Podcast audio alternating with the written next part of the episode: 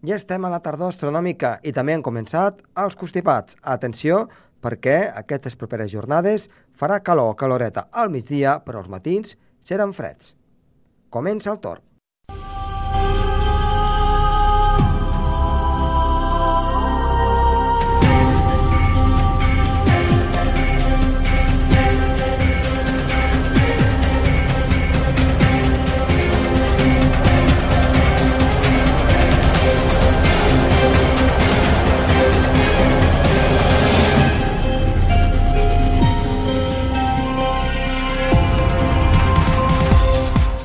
Constipats o no, els donem les gràcies per estar una vegada més darrere del seu transistor, o bé en el seu vehicle, o per què no per internet des de qualsevol lloc del món.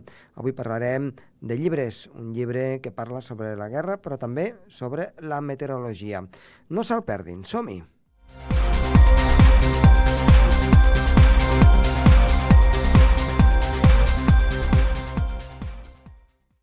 Ignacio González Posada, és llicenciat en Econòmiques, té un màster, un MBA per l'Institut d'Empresa i ha desenvolupat la seva carrera professional en el món del màrqueting, de les ventes, treballant en empreses com ara Alemanya, Espanya, els Estats Units i també al Japó ha servit com a curiositat a l'Armada Espanyola i la història ha estat sempre la seva gran passió. Actualment és gerent de l'empresa Air Miles a Espanya. I per què l'entrevistem avui? Entre d'altres coses perquè ha fet un llibre que es diu Com ganar una guerra, però que també té molt a veure amb la meteorologia. Ignacio, molt bona tarda, buenas tardes.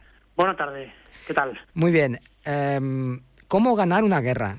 Me ha llegado este libro, de hecho me lo has enviado y vaya, eh, es un libro que es fantástico eh, habla de muchas cosas, entre otras, también toca un poco la meteorología, ¿no? Que es de lo que se trata eh, en este programa. Pero antes que nada vamos a analizar un poco este libro que has escrito.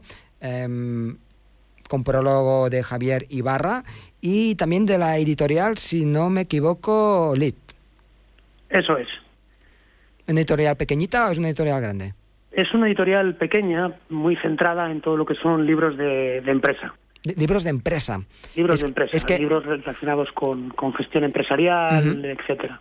Para, eh, para nuestros oyentes, eh, cómo, ganar una guerra eh, no es un libro que, que, que, hable solo de guerra, sino que analiza la guerra, la Segunda Guerra Mundial en concreto, en una teniendo una visión, digamos, empresarial. O sea, analizando, por ejemplo, si Hitler era un buen empresario o no era un buen empresario, entre otras cosas, y todas las campañas que se hicieron a lo largo de esta Segunda Guerra Mundial. Y luego, eh, como antes te he dicho, analizaremos un poquito eh, el tema meteorológico y también que tiene mucho que ver con, la guerra. Háblanos un poco de tu libro. Sí, bueno, antes de nada, muchas gracias por vuestro tiempo y deciros que estoy encantado de tener la oportunidad de, de, hablar en la radio de Andorra. Perfecto, adelante. Es, un sitio que me encanta, por cierto. Em, el libro trata de, como has dicho, de, pues hace una comparativa entre lo que es la Segunda Guerra Mundial y el mundo de las empresas eh, actuales, el mundo de las empresas multinacionales, porque al final lo que lo que tenemos en ambos casos son son personas y personas que tienen que tomar decisiones eh, y afrontar una serie de retos en un momento dado, ¿no? Eh, salvando las distancias y, la tragedia que, supuso la Segunda Guerra Mundial, al final, pues lo que lo que había eran personas con sus eh, fortalezas y sus debilidades tomando decisiones. Y en las empresas de hoy en día, en las multinacionales, también tenemos personas que también son víctimas, entre comillas, de sus circunstancias y que también tienen que tomar eh, decisiones en el día a día. Y más en la coyuntura en la que estamos pues inmersos en toda Europa y gran parte del mundo actualmente. Eso es, ¿no? Estamos en una coyuntura de, crisis, eh, de lucha también por los mercados globales, mm, de tecnologías que se están aplicando por primera vez eh, a nivel masivo. Y eso fue lo que estaba pasando también hace 70 años. Con lo cual, eh, bueno, pues hay un paralelismo sorprendente y de eso trata el libro, ¿no? De ese paralelismo sorprendente eh, entre las decisiones que se tomaron en la Segunda Guerra Mundial y cómo se tomaron y las que se están tomando hoy en día, ¿no? Eh, hagamos un primer símil. Por ejemplo, ¿qué se te ocurre así a primera vista que esté pasando hoy en día y qué pasó en la Segunda Guerra Mundial? Pues, por ejemplo, em, hay, algunos paralelismos mm, bastante, bastante curiosos entre, entre la forma de dirigir de, de, los directivos o de los políticos o de los generales de la Segunda Guerra Mundial y, los, de, los de hoy en día. ¿no? El libro compara un poco Steve Jobs con, con Winston Churchill. Eh, pues, por ejemplo, eh, lo que cita es el llamado optimismo inspirador. ¿no? Eh, cuando Winston Churchill se enfrentó eh, asumió el, cargo de primer ministro británico, Gran Bretaña estaba sola frente a los alemanes. Estados Unidos era neutral y la Unión Soviética también era neutral y nadie daba eh, dos duros por, por, Gran Bretaña. Eh, los expertos, digamos, los expertos del mercado decían que, Gran Bretaña iba a durar tres semanas. Pero Winston Churchill tenía claro lo que quería hacer, tenía clara una estrategia y siempre mantuvo firme su rumbo a pesar de que, pues, las circunstancias eh, hacían que, que, nadie diera un duro por él. ¿Y cuál, cuál fue esta estrategia para mantenerse firme y que, que, no le vencieran? sí, lo que dijo es, mm, yo quiero derrotar a Hitler. Y aunque su foro interno no sabía cómo iba a hacerlo, siempre salió de su despacho con un propósito y con, con un optimismo que supo inspirar a los demás a, seguirle y a, seguir en su estrategia. Esto ha parecido les, le, ocurrió a, Steve Jobs. Steve Jobs, como, no sé si sabréis, pues él salió de, Apple. Le echaron. Su, el consejo de dirección de Apple lo echó. Pero él no se rindió. No, no dijo, bueno, pues ya tal, voy a retirarme, ¿no? Como podía haber dicho también Churchill, de, pues lo dejo hasta que he llegado, etcétera, sino que él siguió luchando eh, creó varias empresas y después de un cierto recorrido volvió a, Apple y allí tuvo sus grandes éxitos con pues con el, iPhone, eh, el, iPad, los iTunes, etcétera, ¿no? Y supongo que luego eh, toda esa gente que le echaron, mm, a ver, de, una manera haciendo un símbolo también los pasó por la piedra. supongo, porque es una guerra al fin y al cabo. ¿no? Es un enemigo que vuelves a casa, pues los que te han, los que te han derrotado, pues ahora tú eres el vencedor y supongo que eh, los barres de, alguna manera.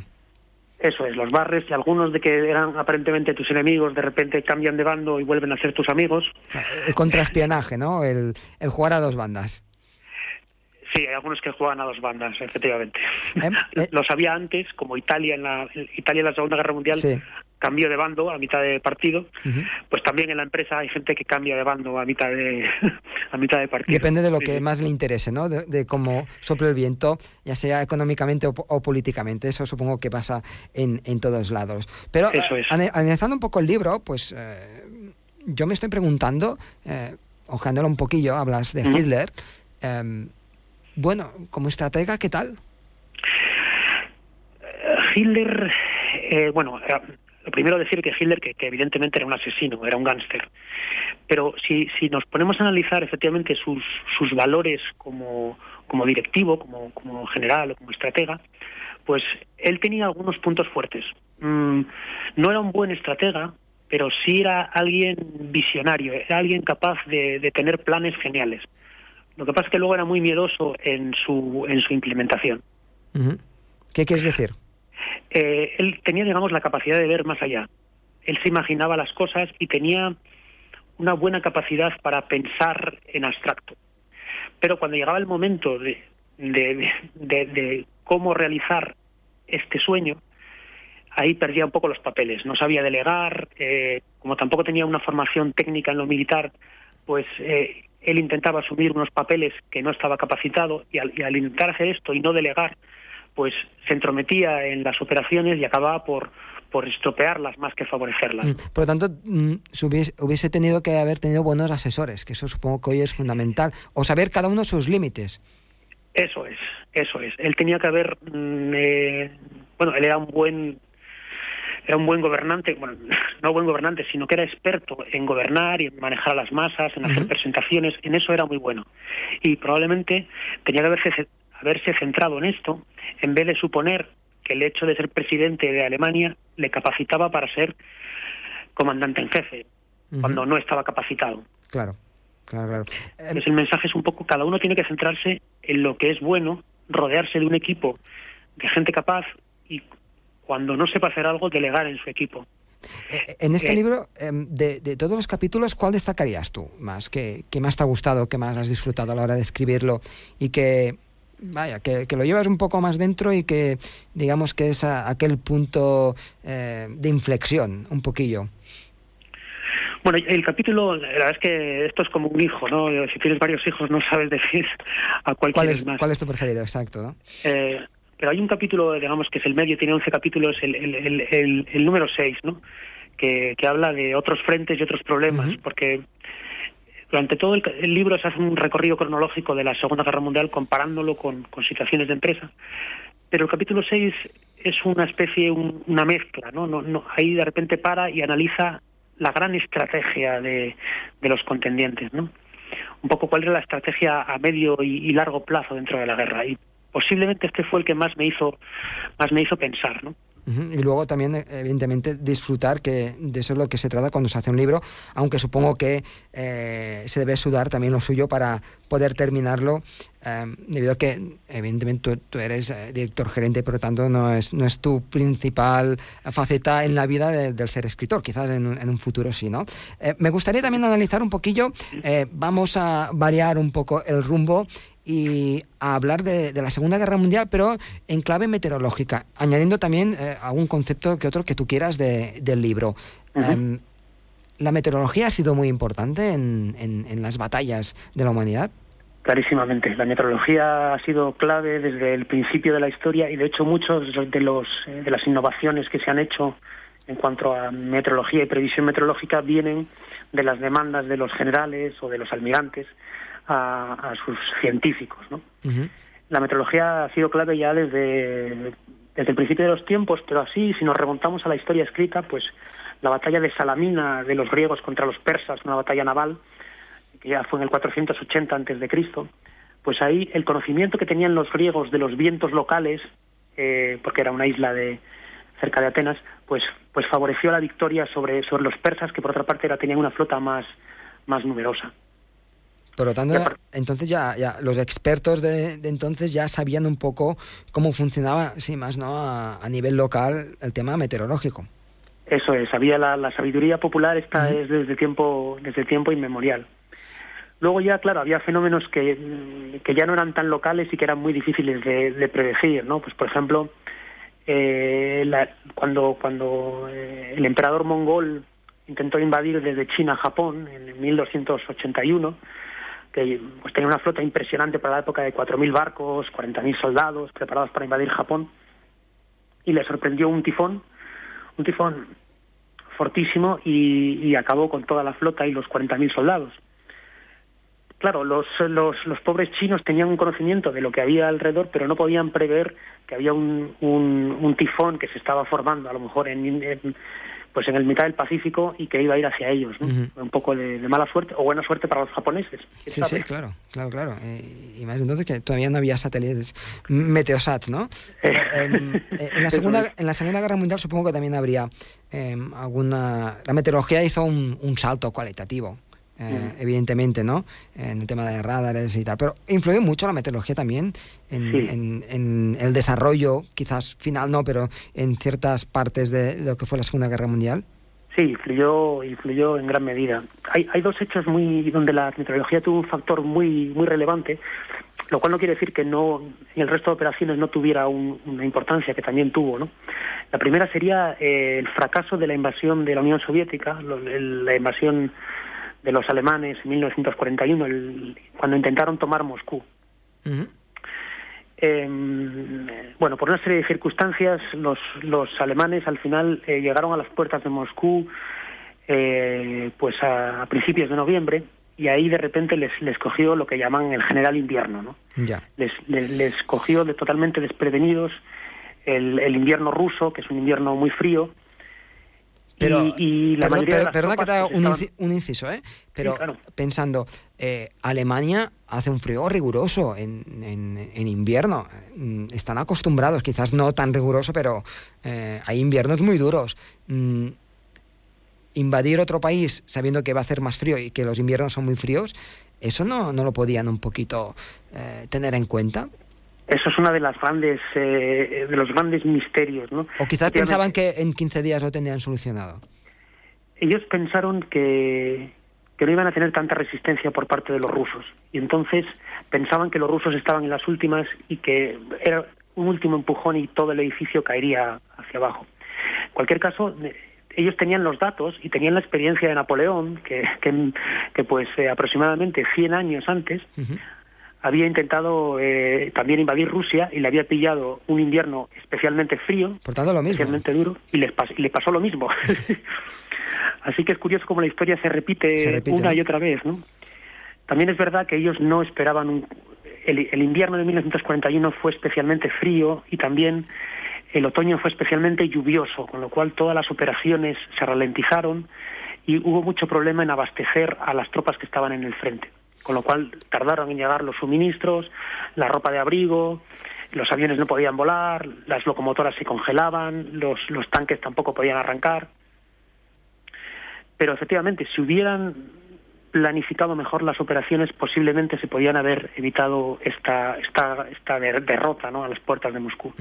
También eh, en Japón creo que ha habido algún, algún tema similar. ¿no? En, a mí me suena un poco de cuando la Segunda Guerra Mundial, que enviaban eh, algún tipo de, de globo sonda con bombas hacia Estados Unidos aprovechando la corriente en jet. No sé si eso es cierto o no es cierto, pero supongo que habrá alguna cosa por ahí también. Es totalmente cierto. Los japoneses desarrollaron, aprovechando la, corriente esta de chorro, o la corriente jet que va desde, desde bueno, que recorre todo el Pacífico, ¿no? que va desde Japón, pues básicamente hasta la costa oeste de los Estados Unidos.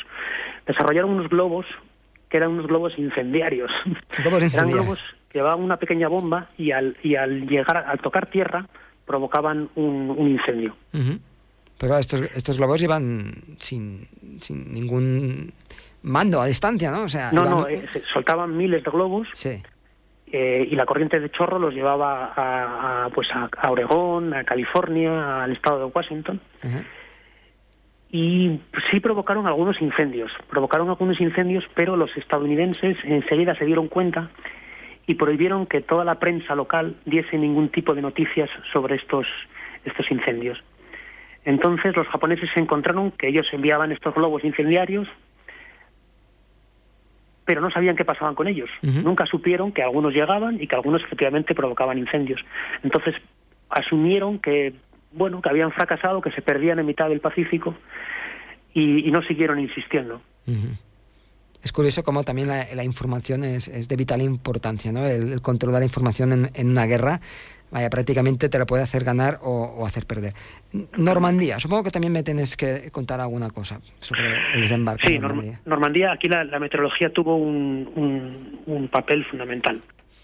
Eh, bueno, como sabías, había que mover una ingente cantidad de hombres. La primera oleada, pues, constaba aproximadamente de unos 200.000 hombres que tenían que atravesar el Atlántico, el Canal de la Mancha y, luchar y desembarcar en Francia, etcétera. Entonces necesitaba una serie de condiciones que era que hubiese luna llena, que hubiera buen tiempo seguido tres días de calma, que los vientos fueran menores de pues, 15 kilómetros en el mar, 15 kilómetros por hora en el mar y 25 kilómetros hora en tierra, eh, que hubiera una visibilidad mayor de tres millas en, nubes, que las mareas eh, pues hubiera fuera tres horas justo antes de la marea alta. Toda esta serie de circunstancias tenían que darse en un corto periodo de tiempo. Entonces, los aliados mm, encontraron el día perfecto, que era el día 5 de junio de 1944. Sin embargo, ese día se, se encontraron eh, el día 3 de junio, 24, 48 horas antes del desembarco, se encontraron de que el tiempo había repentinamente empeorado y tuvieron que retrasar toda la operación eh, pues eh, hasta el día 6 de junio. A la hora de tomar la decisión fue el día 5 de junio a las 4 de la mañana y cuando, cuando empezó la reunión el tiempo era muy malo pues estaba lloviendo y hacía un viento terrible. Y fue cuando le pidieron la previsión meteorológica al experto de, del Servicio de Meteorología británico y este dijo que el tiempo iba a mejorar eh, a partir del día 6 y durante un, corto periodo de, tiempo. Tú, imagínate que eres hombre del tiempo y, te hacen esta pregunta. Te tiembla el pulso y la voz, ¿eh? Te, te tiembla el pulso y la voz. Y además, en esto, como tú sabes, en meteorología no hay nada 100% cierto. Efectivamente. Entonces era o aprovechar esta, esta ventana temporal o retrasar toda la operación eh, pues al menos un mes. Si lo hubieran retrasado un mes, eh, hubiera coincidido con las peores tormentas en 20 años en el Canal de la Mancha. O sea que, que fue una decisión clave en el momento justo. Pero fueron valientes y tomaron, tomaron esa decisión. Y además, el hecho este que fuera una corta ventana de tiempo, que hubiera mal tiempo y de repente mejorase, sorprendió a los alemanes, porque los alemanes, como no tenían estaciones meteorológicas en el Atlántico, no, no preveyeron esta, esta mejora en la meteorología, con lo cual dijeron, oye, hace un tiempo tan malo que nos vamos a casa, quitamos la alerta. Desde París se, se informó a todas las unidades en el canal de que una invasión el día 5 o el día 6 era imposible debido a la meteorología Incluso parte de las tropas que estaban en, en, Normandía, pues se fueron a hacer unos ejercicios eh, militares, porque pensaron que con tan mal tiempo era imposible. Lo que no pudieron prever, efectivamente, que venía una corta ventana de tiempo que iba a permitir a los aliados desembarcar, y tomar a los alemanes por sorpresa. Eh, mm, pues eh, sorprende mucho, ¿no? Eh, cómo la meteorología influye en, en la toma de decisiones de, de, y, y, cómo puede cambiar el mundo de un día para otro, ¿no? Totalmente, totalmente. Pero bueno, en, en, en la empresa y en la guerra hay, hay que tomar decisiones con, con, la información que tienes, que no siempre es la 100% correcta. Bueno, tú lo sabrás bien, ¿no? Meteorología, pues la previsión de lluvia, pues a lo mejor tienes un 70% de probabilidades, pero no es el 100. No, el 100 es imposible hoy en día, prácticamente. Y además en, en, en, una zona local todavía es, es, es más complicado, ¿no? Se complica eh, mucho más debido a la orografía y a, y a otros factores que, que pueden influir. Eh, Ignacio, ¿alguna cosa más que añadir al tema este meteorológico de, de guerra? Otra cosa curiosa, en la Segunda Guerra Mundial, es que la, bueno, la Segunda Guerra Mundial es, es una fuente continua de, de, anécdotas, pero por ejemplo, la, la segunda bomba atómica, ¿Mm? sabéis que la primera se tiró sobre Hiroshima, ¿Sí? y la segunda, en principio, no se iba a tirar sobre Nagasaki, sino sobre otra ciudad japonesa que se llamaba Kokura. Uh -huh. Pero resultó que que el parte meteorológico dijo que Kokura no tenía la visibilidad, tenía una serie de nubes y no era posible eh, lanzar la bomba allí. Y entonces escogió la segunda opción, que era Nagasaki, con tan mala suerte, lógicamente para los habitantes de, de, de Nagasaki. Sí, sí, claro. Es, es, curioso, ¿eh? Es curioso cómo te cambia la vida de... de... Cómo la meteorología influye tanto sí, en sí, por, por, por, unas nubes, unas nubes dichosas, ¿no? Mm. Eh, pues eh, recordamos, libro ¿dónde lo podemos comprar? ¿En cualquier librería o por internet o cómo se puede adquirir? El libro se puede comprar en internet, tanto en la Casa del Libro como en el Corte Inglés y también eh, a través de la página web www.comoganarunaguerra.com, uh -huh. que uh -huh. llevará a la página de la editorial Lit y la envían en, en cualquier territorio en la península. Ed editorial Lit, editorial empresarial de la colección Leo. Eh, el precio muy asequible, es un libro de prácticamente 250 páginas, un poco menos, uh -huh. uh, prácticamente 20 euros y... Eh, un libro que hay mucho, muchas ilustraciones con un montón de mapas y por tanto que es, es, muy ameno de leer y muy interesante que pasa eh, muy muy rápido. Y además sabemos un poquito más sobre la Segunda Guerra Mundial y cómo aplicarlo a las empresas. A lo mejor mmm, de ahí puede surgir alguna idea o dices, hombre, este parece que sea mi jefe. Hoy, Espero hoy... que nadie confunda a su jefe con Hitler o con Stalin. Ah, puede haber de todo en, en, en, la, viña, en la viña del Señor. Eh, Ignacio, muchísimas gracias por estar hoy aquí con nosotros y para una próxima vez estás invitado para un nuevo libro que puedas publicar, que siempre, pues, eh, de bien seguro que va a ser muy interesante. Muchísimas gracias. Muchísimas gracias a vosotros, un saludo a todos los habitantes de Andorra y espero tener la oportunidad de, de visitaros pronto. Gracias, hasta luego. Gracias. El torn, amb Josep Tomàs.